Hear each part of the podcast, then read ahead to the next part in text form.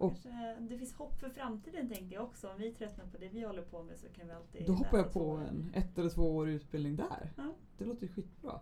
Superbra. Och att man kan göra det liksom, även fast man har familj och sådana saker. Att man får CSN och man får göra så. Om man inte är nu över 45 eller vad det nu är.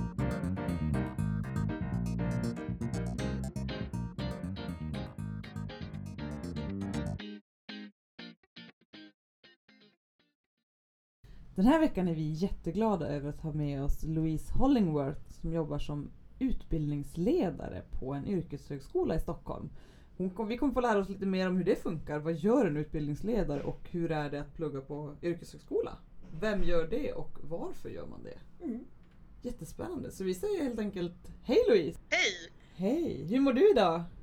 Bra! Hur mår ni själva? Vi mår bra. Vi mår bra. Det har varit en bra vecka. Ja, tycker jag. Inget att klaga på. Vill du börja berätta lite för oss och de som lyssnar vem du är? Ja, eh, jag är Louise. Eh, jag eh, jobbar på en yrkeshögskola som utbildningsledare. Eh, när jag inte gör det så är jag i Tensta Gospel Choir bland annat. Mm, Hänger med min lilla familj där hemma. kul. Vad gör man som utbildningsledare? Det man gör, man kan säga att man, det är lite som en, en biträdande rektorsroll eh, i en vanlig skola. Man, man ser till att det finns eh, man, man har, ser till att det finns föreläsare på utbildningarna man driver, att det finns kursplaner som är uppdaterade och att man har eh, lokaler att vara i, studerande och hjälper dem alla sina frågor, de som går utbildningarna. Mm.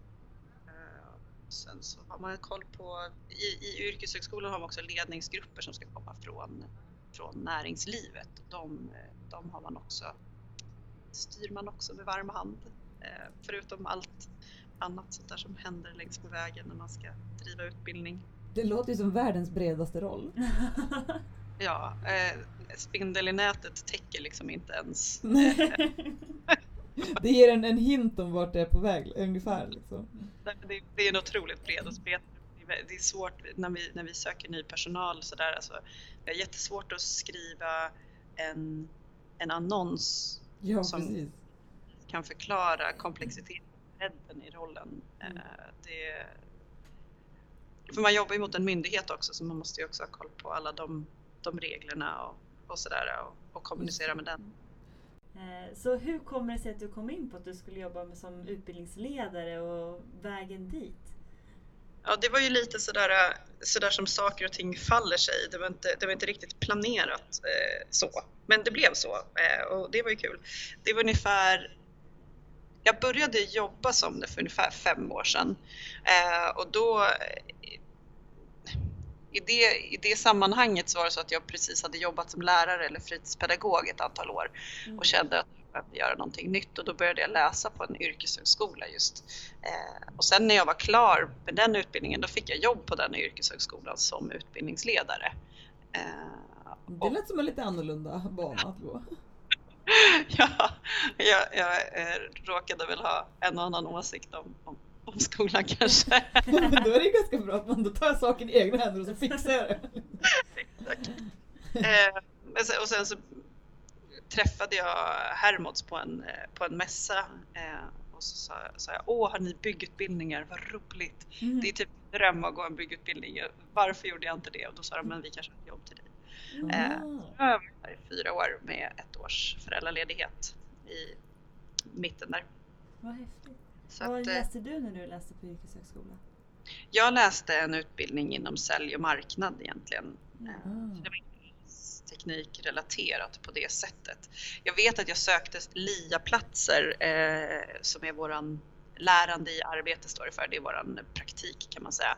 Och jag vet att jag sökte på bland annat Bosch och lite sådana, den typen av tekniska företag. För jag har alltid sedan jag var liten älskat att bygga och haft sådär det som man kanske traditionellt skulle kalla för manliga intressen. Och det, tycker, det. har varit utmanande både för andra och för mig själv att det har varit svårt ibland att säga jaha men får jag vara tjej när jag skrattar för högt, pratar för mycket och tycker om eh, de här traditionellt manliga sakerna som bilar och bygga och eh, teknik överhuvudtaget egentligen.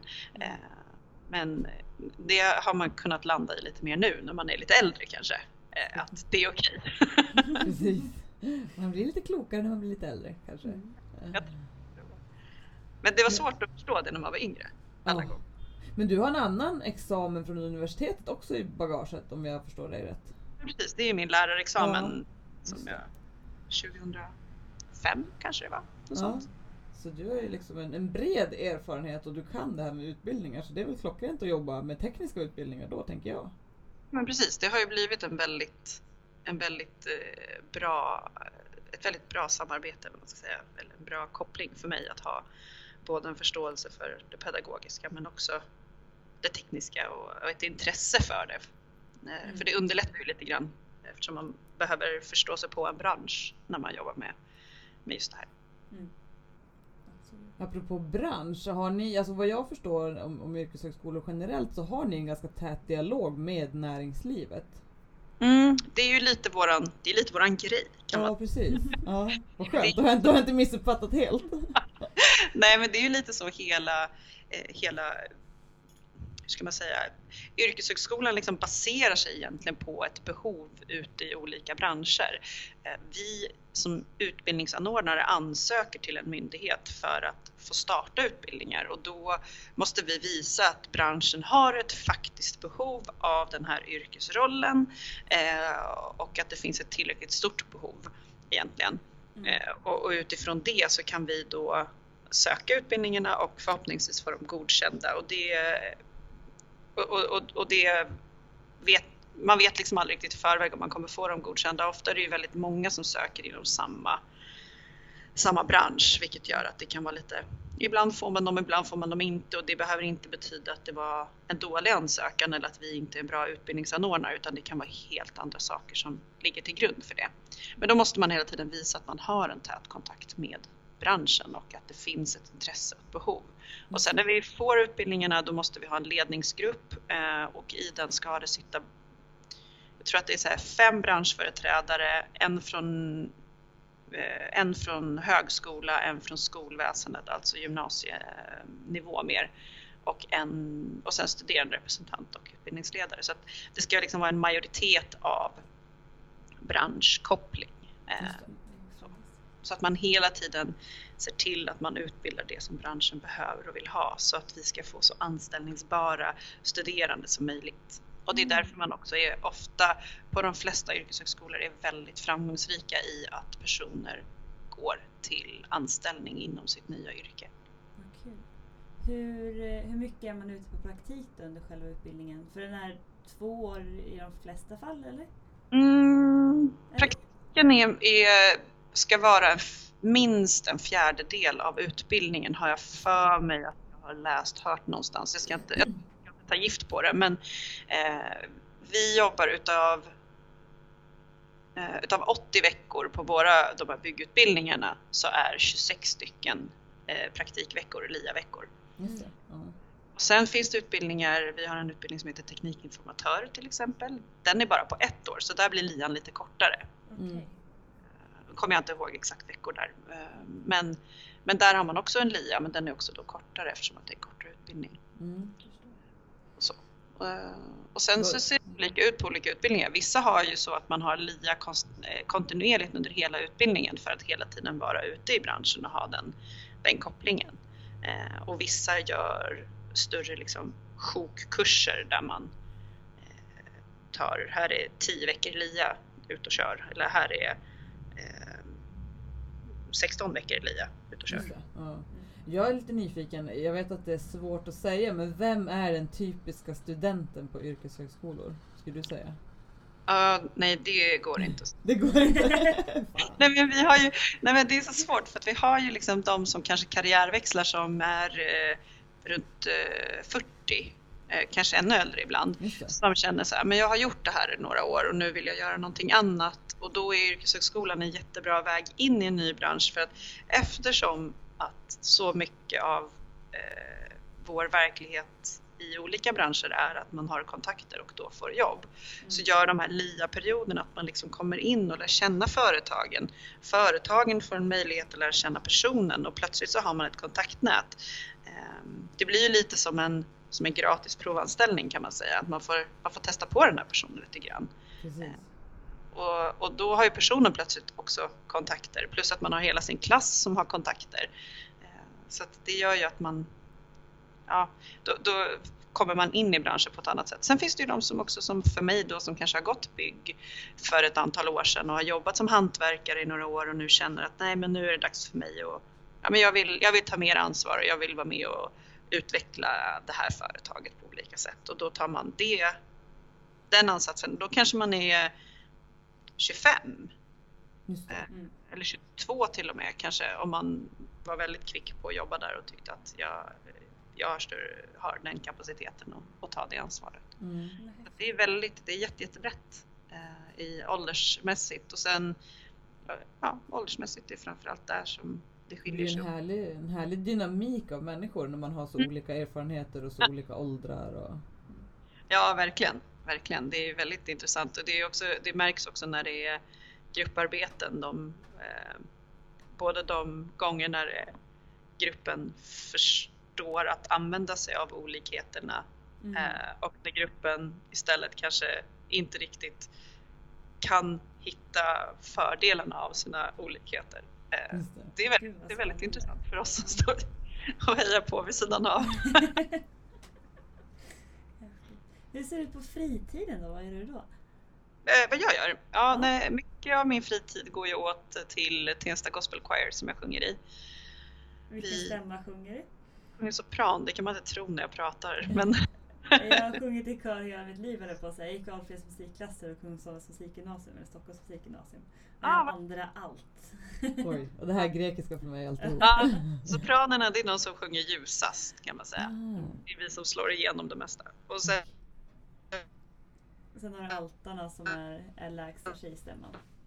ja. våra, vi har ju, ja, för tjej, ja, eller tjejer, eller ja, ja, oftast traditionellt så är det uppdelat så att eh, sopraner är tjejer som sjunger ljust, altare är tjejer som sjunger lite mörkare, Mm. tenorer är, tenorer är killar som sjunger lite ljusare och basar är killar som sjunger lite lägre.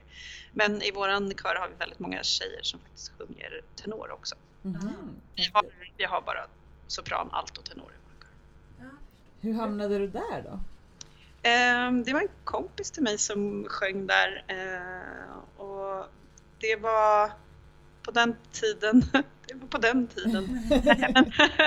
Då, vi, hade inte, vi var inte riktigt eh, så många som vi är nu. Eh, och då hade vi fortfarande auditions med jämna mellanrum när det behövdes eh, fyllas på i olika stämmor. Mm. Men nu har vi, har vi lite svårt att hantera det söktrycket som, som är. Vad roligt! Det, är jätteroligt, det är jätteroligt att det är så många som vill sjunga med oss men det är lite, det, det skapar sina egna utmaningar också. Ja. Jag har följt det lite på distans under åren. Jag tycker det är Ja. fantastiskt. Ja, nej, det, är, det är jätteroligt. Vi, får ju, vi har ju fått, vi får ju ynnesten att dela en musikgenre som, som lyfter så många olika delar av ett liv på något sätt. Alltså det är ju, allting bygger ju på känslor eh, på något sätt. Eh, vi får, vi får dela med oss av de känslorna till väldigt många människor på ett sätt som man kanske inte alltid har möjlighet att göra. Så det är väldigt roligt. Hur går det att kombinera då? Jobb, det verkar som du har väldigt mycket att göra där och sen så är det kören och Ja, nej men det. Ja, ja, min sambo sa det igår. Han bara, ja, jo, du har ju faktiskt varit borta fem av åtta kvällar den senaste veckan. Jag bara, nej, förlåt. Jag har som tur är en sambo som eh, tycker om att eh, ta hand om vårt gemensamma hem. Så att jag, jag, jag, kan, jag kan vara borta. Men, eh, nej, men det är klart att det ibland så Ibland så blir det lite mycket men eh, ah, jag tycker att det mesta är roligt. Så att det Det låter ju som att ni hjälps åt liksom. Ja men precis, jag, jag är inte, jag är liksom inte i, i en, en relation där jag eh, behöver ta majoritetsansvaret för mitt hem också. Eh, Nej, utan det, det är någon annan som gör det med bravur. Vad skönt det lät. Ja, det är väldigt skönt. Privilegierat liv. Vad gör sambon då? Eh, Just nu är han föräldraledig. Eh, Men i vanliga fall så jobbar han som boendestödjare kan man säga i Stockholm. Mm. Så han kommer hem personer som behöver hjälp och stöd på olika sätt. Eh, kan vara att ordna upp eh, ekonomi eller hitta sina egna liksom, strategier för att eh, ja, få vardagen att fungera på olika sätt. Det kan vara allt möjligt. Jag, jag får inte veta så mycket om hans jobb eftersom att Mm. han inte får berätta så mycket om vad han, eller ja, jag vet ju lite vad han gör men jag har ingen aning om vilka personer det är. Men, eh, ja, men det är en, han är en väldigt, eh, han jobbar med människor och mjuka värden på han jobbar i en kvinnodominerad bransch och jag jobbar i en mansdominerad bransch. Det är också spännande. Den liksom mixen att man gör helt olika saker så. Ja, Ja. Vad skulle du säga, alltså i din, nu är ju du spindeln i nätet upphöjt till två typ, men vad, om du får bestämma själv, om du får avgöra själv, vad är din viktigaste uppgift i ditt, ditt yrke? Min viktigaste uppgift. Ja, om du bara får välja en. Bara en. Ja. Åh, men det är så många saker som hänger ihop, tänker jag. Men jag tänker att det är ju, det är ju ha, egentligen ha en bra kontakt med de studerande, tänker jag. Mm. Så att man vet lite vad, vad de vill och vad de är på väg och hur de mår och sådär för att kunna, kunna hjälpa dem genom utbildningen på ett bra sätt. Eh, Men det, det ena går ju inte utan det andra. Såklart. Lite det som är problemet när allting Ja. För det känns lite grann som om man återgår till det här med näringslivet, de är ju lite grann eran kund på Ja, något sätt. Exakt. Ni, ni slussar ut uh, jätteduktiga människor så att de kan liksom fortsätta driva sina företag på ett bra sätt. Precis, och det, och det är väl lite det jag satt och funderade på. Är det kontakten med näringslivet som är den viktigaste? För utan kontakten till näringslivet så kan vi inte söka utbildningarna, då kan vi inte ha eh, några studerande. Men samtidigt så om jag inte har bra kontakt med de studerande så har vi ju heller inte några studerande att examinera till näringslivet. Ja, vi förstår, det var, det var en dålig fråga av mig. Nej, men det är en intressant fråga. Eh, men den är. Det är, det är lite så när det är de här näten, att äh, när det blir sammanvävt, det ena kräver det andra. Just det. Men vad Så. säger du då? Vad, vad, vad säger branschen? Vad behöver de? Nämner de någonsin det här med, för nu vet jag att du jobbar med bygg och anläggning framförallt. Där, det är ju en väldigt mansdominerad bransch Mm. traditionellt. Märker du efterfrågan på kvinnor? Liksom att branschen säger att ni måste utbilda fler kvinnor eller hur?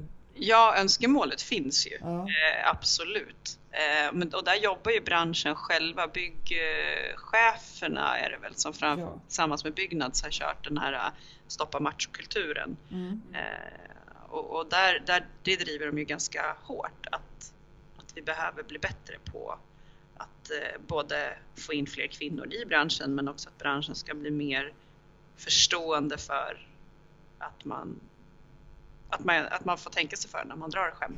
Eh, Mm. till exempel. Eh, Att man är, att alla är olika liksom. Ja men precis. Att, att, eh, och olikheterna finns ju på så många olika plan. Både, både liksom etnicitet och, och kön och eh, ålder och allt möjligt. Men eh, att, att även byggbranschen behöver bli lite mjukare och, och ha förståelse för det.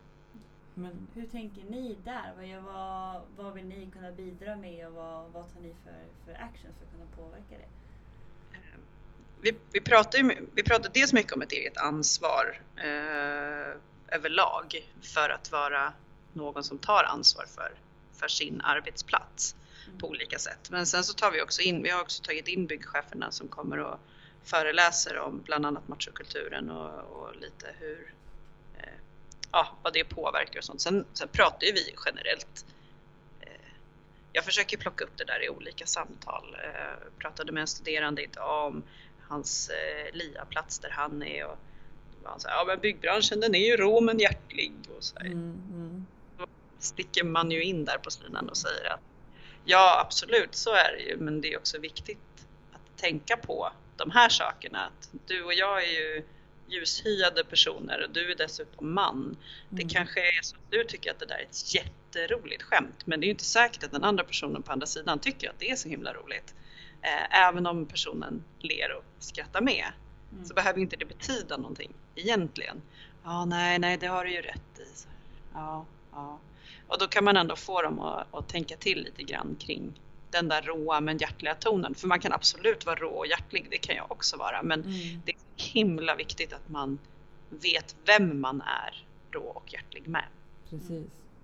Och, och det verkar som att de tar det på ett bra sätt då i många fall när, när man lyfter de frågorna. För det är ju det man känner många gånger att det här är jobbiga frågor att prata om. Liksom. Och många känner att det är lite obehagligt att man pratar om. Ja, men då kommer de här kommentarerna istället. Ja men får man inte skämta längre och liksom, Mm. och blir det metoo och blir det sådana saker. Och det är inte det det handlar om heller. Utan det handlar väl mer om att det ska vara en bransch där alla känner sig välkomna att, att jobba i. Ja, framför allt det, att alla ska känna sig välkomna. Men, men och det är just det att det är just då när man, när man själv sitter i den maktpositionen, eller vad man, för det får man ju ändå lite kalla det för, för det är ju lite vad det är, tänker jag. Eh, och det gör ju jag också som, som en vit person. Eh, så har jag en himla massa privilegier, privilegier som jag kanske inte alltid är så medveten om. Eh, men där är det ju superviktigt att vara lyhörd för att när någon säger stopp, det där är inte okej, då är det ju bara att backa och säga Mm. oj förlåt, det var verkligen inte min mening. Eh, och ta lärdom av det framför allt. Det är skönt att höra att det jobbas på det här redan på, alltså inom utbildningarna. För det tror jag är jätteviktigt. Ja, är sen kan det- att, Sen kan det vara svårt att ta det liksom i en stor klass alla gånger men Ja. däremot när man pratar med, med dem en och en så slinker man ju in det där. Mm. så att det ska... Och Eh, sen hoppas på att du följer med ut i arbetslivet också. ja, precis. Men jag tänker också att ju mer man blir medveten om de privilegier man har, desto lättare är det att förstå att andra inte har dem. Mm. Eh, och då kanske det också blir lite lättare att vara lite vänligare Mm. för, i sin, lite ödmjukare kanske i sin framtoning också. Mm. Jag tänker att mycket handlar om att, när någon säger att det där är inte okej, att faktiskt stanna upp och tänka till och, Mm. och ta lärdom. Jag är lite nyfiken på en helt annan sak. Om man Mm. tänker, som vi var inne på, att eh, era studenter är liksom alla olika bakgrunder, åldrar och så. Jag har ju själv sett på tunnelbanan reklam för olika yrkeshögskolor och så, men hur hittar folk till er? Hur vet man liksom att ja, men jag ska söka en yrkeshögskoleutbildning? Ja, det är en väldigt bra fråga. Eh, vi, har, vi är ju med på olika såna här yrkeshögskolemässor till exempel Mm. som, som arrangeras eh, runt om i landet egentligen. Men jag tänker om jag inte ens vet att jag vill plugga en yrkeshögskoleutbildning, då kommer inte jag gå på den mässan. Liksom. Nej. Ehm, nej, jag- jag vet faktiskt inte riktigt alla gånger hur, hur människor hittar hit. Mm. Eh, ofta är det ju någon kompis kanske som har pluggat en YH-utbildning och som säger ja, jag läste på YH, det var jättebra. Mm. Kolla om det finns någonting mer. Så här. Sen försöker vi vara närvarande. Jag vet att ehm, Ehm, Sveriges byggindustrier och installatörsföretagen var ju på Nordbygg och höll, höll en liten presentation kring, eh, eh, kring yrkeshögskolan och eh, möjligheten att studera, studera vidare via yrkeshögskolan och sådär. Så att det finns ju också branschorganisationer som tar eh, som tar ett ansvar och, och fortsätter att berätta om, om att vi finns. Jag märker också att det finns på många byggföretag som berättar där det står så här, jobba hos oss eller vidare eh, ja, vidareutveckling och sånt där. Där kan det också stå, att, eh, stå med om yrkeshögskoleföretag och sådär. Mm. Så det är lite Kul. Det Vad känns... tänker du för framtiden då för dig själv? Vad är, vad är dina nästa steg? Jag vet inte riktigt. Eh, Jag, jag har gått eh, något talangprogram för framtida ledare inom koncernen och sådär. Mm. Men, eh, så vi får väl se om, om det är någonting sånt som kommer längre fram eller om det blir något annat företag helt och hållet eller om jag ska göra något helt annat. Jag skulle tycka det var kul att jobba på något byggföretag på något sätt men jag har ju liksom inte den faktiska tekniska erfarenheten på det sättet utan jag kommer ju in, jag ju in lite från sidan. Ja, men alla vägar är bra ut- utom de dåliga. Ja, nej, men eh, man är väl lite av en utbildningsexpert vid det här laget kan man Ja. säga. Eh, Så vi får se lite grann. Men eh, just nu så trivs jag bra. Jag kommer fortsätta och driva arbetsledare mark och anläggning och teknikinformatör till hösten som det ser ut nu. Och så. så det ska bli spännande att flytta lite fokus från jag kommer få släppa min kära bebisbygg och fokusera på min ena bebisanläggning och få en helt ny liten bebis med tekniker från alla. Det låter spännande. Komma in med Ja. lite ny energi liksom. I något helt Ja, men faktiskt. Ja. Det ska bli lite roligt att få ett, få ett annat projekt som man kan driva. Vad kul. Det hörs Ja. på dig att du tycker det är kul. Oh. Vad sa du? Det hörs på dig att du tycker det är kul. Jo, men det är roligt. Det är också en, en, en del av det som är roligt. Det är ju att vi faktiskt får hjälpa personer att nå, nå sina drömmar, eh, kunna, karriär, kunna byta liksom, bransch, karriärväxla eller som känner sig lite fast där de är just nu och behöver en nytändning i, i sitt liksom, yrkesliv så kan vi finnas där som en, som en kompis som kan hjälpa till och låta dem göra det också. Eh, Och man kan göra det för det, det vi, pra, vi pratade ju, vi nämnde det till dig innan, att vi har, vi har ju faktiskt intervjuat en kvinna som pluggar, som sadlar om och pluggar Mm. på yrkeshögskola fast i Skåne. Och det är väl CSN-berättigade utbildningar också allihopa? Ja, i princip alla. Det finns Ja. några på... Eller jo, alla är CSN-berättigade. Jag vet att Bergs har några utbildningar som, är, som kostar. Annars Mm. är ju alla yrkeshögskoleutbildningar gratis. Precis, så det är ju man, det, ja, det, går, det är ju ganska görbart så att säga. Ja, otroligt görbart. Så, och jag menar, det är ju verkligen, det är verkligen en... Eftersom de också är så korta, jag menar ofta kan man känna att man ska plugga på universitet så ska man säga att det tar minst tre år för att bli Mm. någonting nytt. Men Mm. inom yrkeshögskolan tar det oftast runt två år. Mm. Eh, Och och, och plötsligt så har man ett nytt yrke, liksom, en ny, Ja. ny bransch.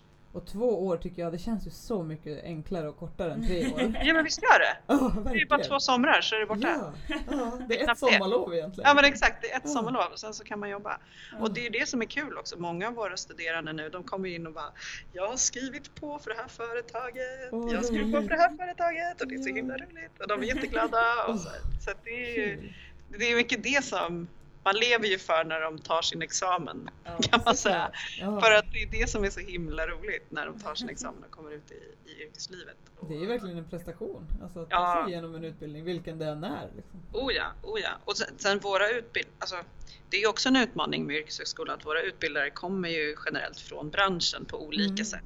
Vissa kanske är lite mer eh, vana att utbilda än andra men det gör ju också att det ligger ju det ligger ett stort ansvar hos en själv. Att ta utbildningen och det innehållet som vi förmedlar och Mm, mm. använda på bästa möjliga sätt. För det är inte alltid så att det är liksom en, en professor som står och föreläser utan eh, det är, Jag skulle säga att jag har haft för, professorer som föreläsare som inte heller är bra. Så det, det handlar nog mer om så här, om man, man gillar att lära ut. Ja, gud ja. Det, så det är nog, har nog inte så mycket med saken att göra. Men jag förstår vad du menar. Ja, nej men att, det, det är ju, men det är väl också så att många av dem som pluggar hos oss kanske inte har en studievana där man vet om sådana saker. Utan Mm. Nej. kan, kan också känna att det, det är viktigt att, viktigt att belysa att man, man har ett man har ju Stort som ansvar. Ja, Mm. precis. Men det är, det är också intressant när människor kommer in och börjar studera. Det är väldigt vanligt att de sätter sig lite till rätta i stolen och väntar på den stora kunskapen ska landa. Man ska bli matad med kunskap. Ja precis, man ska bli matad den med sked liksom. Ja men precis, och så ska man vara helt färdiglärd Ja. efter två år. Då ska man kunna allt. Då Och blir så det, funkar ju inte verkligen. Nej. det blir ett brutalt uppvaknande då. I, Liksom. ja, ja, Ja. Speciellt, eh, speciellt i min mejlkorg. Bara, Hallå, vad var det här? Jag skulle ju bara sätta mig här och ta emot. Eller hur? Vadå, var jag tvungen att bidra själv? Nej. Va? Hur gammal är den äldsta eller det äldsta laget av personerna som läser på skolan? Åh, vad kan de vara? Jag tror att vi har någon runt 50-strecket. Mm. Eh, men det är ju lite... Det som är lite lurigt är ju att när man är över en viss ålder då, då får man ju inte CSN längre. Just det. Och det tycker jag är lite knasigt egentligen. Jag tror jag, förut var det bara 45 tror jag man inte fick. Ja, jag tror att det kan vara så fortfarande faktiskt. Jag Ja. tror inte de har ändrat åldern. Och man tycker ju egentligen att man är ju, då har man fortfarande minst 20 år kvar att jobba. Då är det Men bara exakt. sunt att man inte så här sitter kvar och är bitter på sin gamla arbetsplats och man tycker den inte ger någonting. Att man istället känner att ja, men här vill jag sadla om och med ny energi liksom. Och så får man Ja. inte bidrag för det. Nej, jättesvårt. Mm. Eh, och samtidigt så de har ju också, en, har ju också sin tanke om att det ska, pengarna ska komma tillbaka såklart, Såklart. eftersom det är ett Mm. lån. Men, och de vill ju att man ska ha betalt av det tills man är 65. Tror Ja. väl att det är så det är räknat på. Mm. Det, det, fin, det finns säkert bra anledningar men jag tycker det är lite, Ja. Jag tycker också det är jättedumt. Alltså, Ja. Vi skulle ju ha flera stycken som skulle vilja läsa hos oss bland annat. Så. Vad får du för reaktion då? De som kanske har jobbat i x antal år helt plötsligt i skolbänken och inte har läst gymnasiet för jag vet inte hur många år sedan. Ja, det, det är lite olika. Det beror lite på vilken kurs det är men, men eh, det, det brukar ju vara lite svettigt i början för, för många. Just, just den saken att vara tillbaka i en skolbänk och behöva, Mm. behöva prestera på det sättet. För jag menar, det är ju inte så att man är i, i verkliga livet, eller vad man ska säga, utanför skolvärlden sätter sig och behöver göra prov speciellt Nej. ofta. Det Nej. är ju inte en det är inte så verkligheten fungerar men det är ett av de sätt som vi kan kunskapskontrollera egentligen och se så, att Mm. vi, så att vi faktiskt levererar det vi säger att vi ska leverera i, i form av kompetens och, och kunskap. Eh, så att vi behöver ju göra någon form av kunskapskontroll eh, och då brukar prov och tentor vara ett, ett sätt. Och det, ja, nej, det brukar vara väldigt, eh, väldigt utmanande. Framförallt i projektuppgifter utmanande där det finns en, en deadline att man ska lämna in ett visst datum. Det är mycket svårare på, i skola än i verkligheten. Ja, i verkligheten brukar den där deadlinen vara li, lite flytande. så ja, det är en Ja. deadline men ja ja. Och Gör det det så- kanske inte alltid är ett rätt svar. Nej precis. Precis, nej men och sen är det väl också att deadlinen kanske inte är så flytande alla gånger för ofta i byggbranschen så får du ju, om du inte Ja. har gjort någonting i tid, då får du vite. Det Ja, händer det ju inte hos oss. Nej Du får plötsligt inte betala massa pengar för att du inte, för att du inte levererade din projekt. Nej precis, när du säger jag har jobbat med järnväg och där kan jag tala om att där är det deadline. Så när tåget Ja. kommer den här dagen, den tiden, då är det Exakt. klar. Punkt Ja. Ja. Och är ni inte det så får ni, ja, mm, då blir det Nej, inte men. Då blir det Nej, men då, då finns det en annan typ av konsekvens. Ja. Man, man upplever ju inte att den konsekvensen är så, så jobbig. De, man vet ju ändå att det finns någon sorts omtenta och saker. Vad spännande Louise, jag känner att vi har fått ett mycket större inblick i vad yrkeshögskola är för någonting och hur det funkar. Mm. Ja, vad roligt. Vad Ja. bra. Att, det, ja, men hur, att det finns i den utsträckningen Ja. också. Och att det Ja. är för vem som helst nästan som vill göra någonting nytt. Gud, ja. ja, ja. Och det är också en, Sen finns det ju också så förkunskapskrav såklart eh, på olika, olika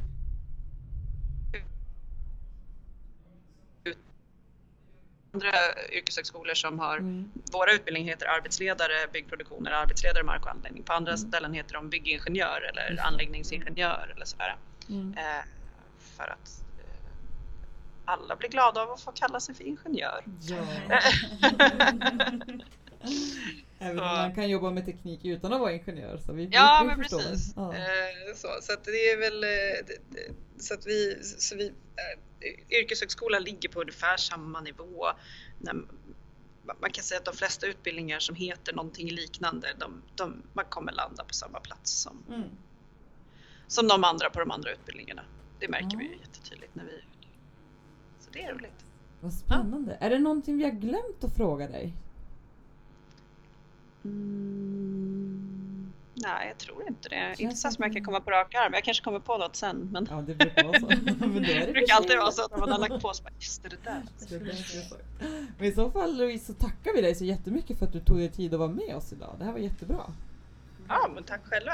Och eh, om det är någon som tycker att det låter spännande att jobba som utbildningsledare så kan jag verkligen rekommendera rollen. Vad kul! Det kanske inte är exakt teknik på det sättet, men, eh, Ändå man, teknik.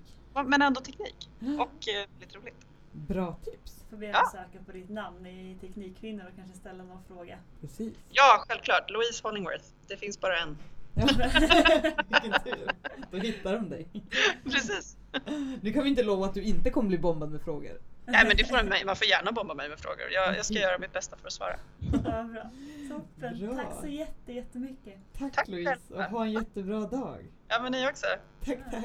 Tack. Hej. Hej. Gud vad spännande det var att få lyssna på lite mer om en yrkeshögskola och vad det är. Ja, för mig är ju det med yrkeshögskola, jag ska inte säga ett svart hål, men det är någonting som man inte har riktigt... Jag känner ingen som har pluggat på yrkeshögskola, men jag vet att det blir mer och mer vanligt. Mm. Och just det, jag gillar det här med att kontakta med näringslivet, att det känns som att det är lite rappare än våra tunga akademiska institutioner som liksom... det är lite lurigare att uppdatera dem, alltså innehållen i de utbildningarna, men yrkeshögskolorna de verkar kunna anpassa sig från termin till termin. Ja, verkligen. Och att det är så himla bredd på det också. Ja. Och- Kanske, det finns hopp för framtiden tänker jag också. Om vi tröttnar på det vi håller på med så kan vi alltid Då hoppar jag på en ett eller två år utbildning där. Ja. Det låter ju skitbra. Superbra. Och att man kan göra det liksom, även fast man har familj och sådana saker. Att man får CSN och man får göra så. Om man inte är nu över 45 eller vad det nu Men det Ja, gäller jag ju har inte bara pluggat fem yrkes... år. Ja. Så finns det ingen CSN kvar. jag menar så. så man får bestämma sig någonstans. För att- Nej men seriöst, jag, ty- jag tycker att det är ett jättebra alternativ och kanske också, alltså inte bara när man är äldre utan man är eh, lite yngre, har varit ute och jobbat något år efter gymnasiet och känner att jag är fortfarande antingen skoltrött eller jag känner att det här med skolan är kanske inte riktigt min grej men jag förstår att jag kanske behöver någon form av utbildning. Mm. Så, ser, alltså, så tolkar jag det som att det kanske är lite lättare ändå att ta sig igenom en tvåårig utbildning på yrkeshögskola än en femårig civilingenjörsutbildning. Liksom. Ja, jag tänker vi lever fortfarande i ett sånt samhälle där det spelar roll att ha någonting på papper som säger att du har läst någonting i skolbänken. Mm, mm. Tyvärr så går vi mer och mer mot det. Liksom. Fråga våra, när våra föräldrar var yngre, då kanske det inte var lika vanligt. Liksom, så. Men, Det kanske är på någon peak just nu. kan vi gå tillbaka sen att nej men ingen behöver utbildning, ut och jobba allihopa. Ja, Jag vet inte om det vore jättebra heller. Nej, det tror jag nog inte. Nej. Men det kanske skulle behövas en upphottning av, av skolorna. Av systemet, Mm. ja det önskar man på många håll och kanter. Men, Det det... tar väl sin tid. För att vara, men samtidigt så har hon ju som, som Louise säger, de har ju uppdrag av en myndighet. Och för att ha det så tycker jag ändå att det här känns som lite hoppfullt ändå det här systemet. Att Mm. man, det blir någon, jag skulle nästan vilja kalla det för uppdragsutbildning, eller vad brukar man kalla det för? Alltså när man skickar, alltså utbildningar som branschen säger att det här behöver vi utbilda folk Mm. inom. Och så gör man det och så kommer de ut i arbete på en gång. Mm. Och det, är perfekt. det är ju skitbra ju. Ja. Så att, eh, mer yrkeshögskolor till folket. Ja. Och väcka mer medvetenhet om att det finns. Att det finns ja. Ja. Jag tror jag måste själv gå in och googla lite grann och se vad som finns för... Alltså nu ska inte jag plugga. Men jag, jag kommer på nya saker varje vecka som jag ska göra. Men jag kan inte lova att jag inte söker någonting om jag hittar någonting som är skitspännande. Jag är inte förvånad. Nej, men du ska inte söka. För du har ju precis... Nej men jag satt i, om den här i veckan så tänkte jag så här shit, fem år på KTH har snart gått. Mm. Och det är lite läskigt också. Ja, kan vi inte snacka lite om det när vi ändå är i utbildningssvängen? Vad, kommer du ihåg hur din första dag på KTH var? Ja men det gör jag. Hur var den då? Eh, Det var väldigt pirrigt. Och sen så var det med 180 personer satt i en föreläsningssal och vi hade inte föreläsningssalar på det sättet på gymnasiet. Nej. Hade ni, hade ni svarta tavlor på KTH? Eh, Både och. Det beror lite på vilken sal du är i. Jag höll på att dö när jag kom in i anrika Uppsala och det fanns alltså i princip bara svarta tavlor och lärarna skrev på dem, du vet så det gnisslar så med Mm. kritan så man känner såhär, åh, rysningar. Ja. Det känns som att, okej, välkommen till 2000-talet. Mm. Men samtidigt lite charmigt. Vi hade ju mycket lärare, alltså inom bygg som, alltså, som alla är inne på, det är ju liksom en vedertagen sanning att det är brist på folk och det är Mm. även brist på lärare. Mm. Så då har man liksom Kurt, 82 år, som ska komma in och visa hur man räknar på stål och så kommer han med sina OH-bilder, så jag menar en overhead-apparat ja. heter det så, som man lägger upp dem på. Det kan jag tycka så här, lite charmigt ändå. Mm. Men kanske inte så digitalt. Men jag tänker också så här, alltså fem år det har varit supertufft. Mm. Men också så himla himla roligt. Och du har ju varit utomlands en sväng också vet vi ju. Ja, Jag var i Hongkong förra våren. Sen så har jag varit massa sektionsaktiv eh, och fått testa på hur det är att vara ledare och driva olika projekt. Eh, mycket kontakt med näringslivet och alla de här bitarna som, som också faktiskt är en del av vad det är att plugga på universitet och inte Ja. bara KTH. Nej men precis, utan det känner jag igen från, från andra universitet också. Mm. Och det tycker jag, det är livet. För det kommer jag ihåg att man tycker att ja, men tentaperioder, när man har tre tentor man ska plugga till samtidigt och det är jättesvårt och jobbigt. Men det är också då man bygger någon slags gemenskap. Mm. Att alla pluggar mot samma mål, alla tycker att det är jättejobbigt men alla ska klara det. Mm. Och då sitter man där till klockan 23 på en fredagkväll på skolan och pluggar och så tycker man liksom att men nu, nu kör vi liksom. Man tar med sig en massa matlådor och det är liksom, ah, det är lite mysigt. Det vet jag, jag tror aldrig jag har gjort det. Är det sant? Jag brukar alltid åka iväg på tentaperioder. Så ett, ett år så var jag med ett gäng i Barcelona. Så jag satt och pluggade, jag gick upp klockan sex på morgonen. Vi var 15 pers tror jag var. Och de pluggade inte, det var jobbkollegor. Eller så har jag varit i Köpenhamn, alltså så här, passa på att komma bort från, från det inrutade mönstret och bara så, men nu ska jag sitta här och plugga. Gud vad duktig. Jag, kommer, jag gjorde det en gång. Vi hade tenta. Det var så här, vi hade plugg över jul. Hade tenta direkt i januari när vi Ja. kom tillbaka. Maria åkte hem över jul till mamma och pappa. Skulle försöka plugga. Mm, det var den tentan jag kuggade. Liksom. för att jag liksom, det, alltså för mig funkar det inte då att åka iväg när man kanske inte riktigt kan. Det var en mattetenta, så här, funktionslära vad det nu heter. En variabel analys kanske. Ja. så här, skit. Ja, idag kan man ju ingenting om det. Men då när man liksom känner men nu ska jag plugga hemma hos mamma och pappa, jag ska vara så duktig och så inser Mm. man att fasen jag fattar ju ingenting. Då är det att, skönt att ha sina kompisar att plugga ja. med också. Ja, så det är lite grann studieteknik och hur man är som person. Jag tror det är ett och ett halvt år tror jag. Ja. Och för vissa så är det att sitta i en grupp hela tiden och för andra att sitta ensam hela tiden. Jag behöver sitta ensam först för att förstå vad det är vi håller på med och sen kan jag sitta i en grupp och men vi kan lära av varandra och ha diskussioner. Så lär jag mig på bästa sätt. Jag är precis tvärtom. Jag måste, för jag fattar inte själv. Så jag måste sitta med folk som fattar och liksom få någon slags grundförståelse. Men sen när jag kan det, då kan jag sitta med det själv. Mm. Så att, eh, vad ska vi summera det här med? Att alla är olika och man, det, viktigaste är att man, ja, det viktigaste är att man hittar det som funkar för en själv. Oavsett om det är yrkeshögskola eller forskningsutbildning. Allting Absolut. däremellan. Liksom. Och det är inte så farligt att få en omtenta. Nej, det har man lärt sig. Det, det händer alla och det, man kommer ut levande på andra sidan ändå. Så då. Vi, vi säger så så kör vi vidare mot nya mål. Ja. Åh, vad klyschigt. Eh, vi klipper bort det. Nej det gör vi inte. Tjing tjing!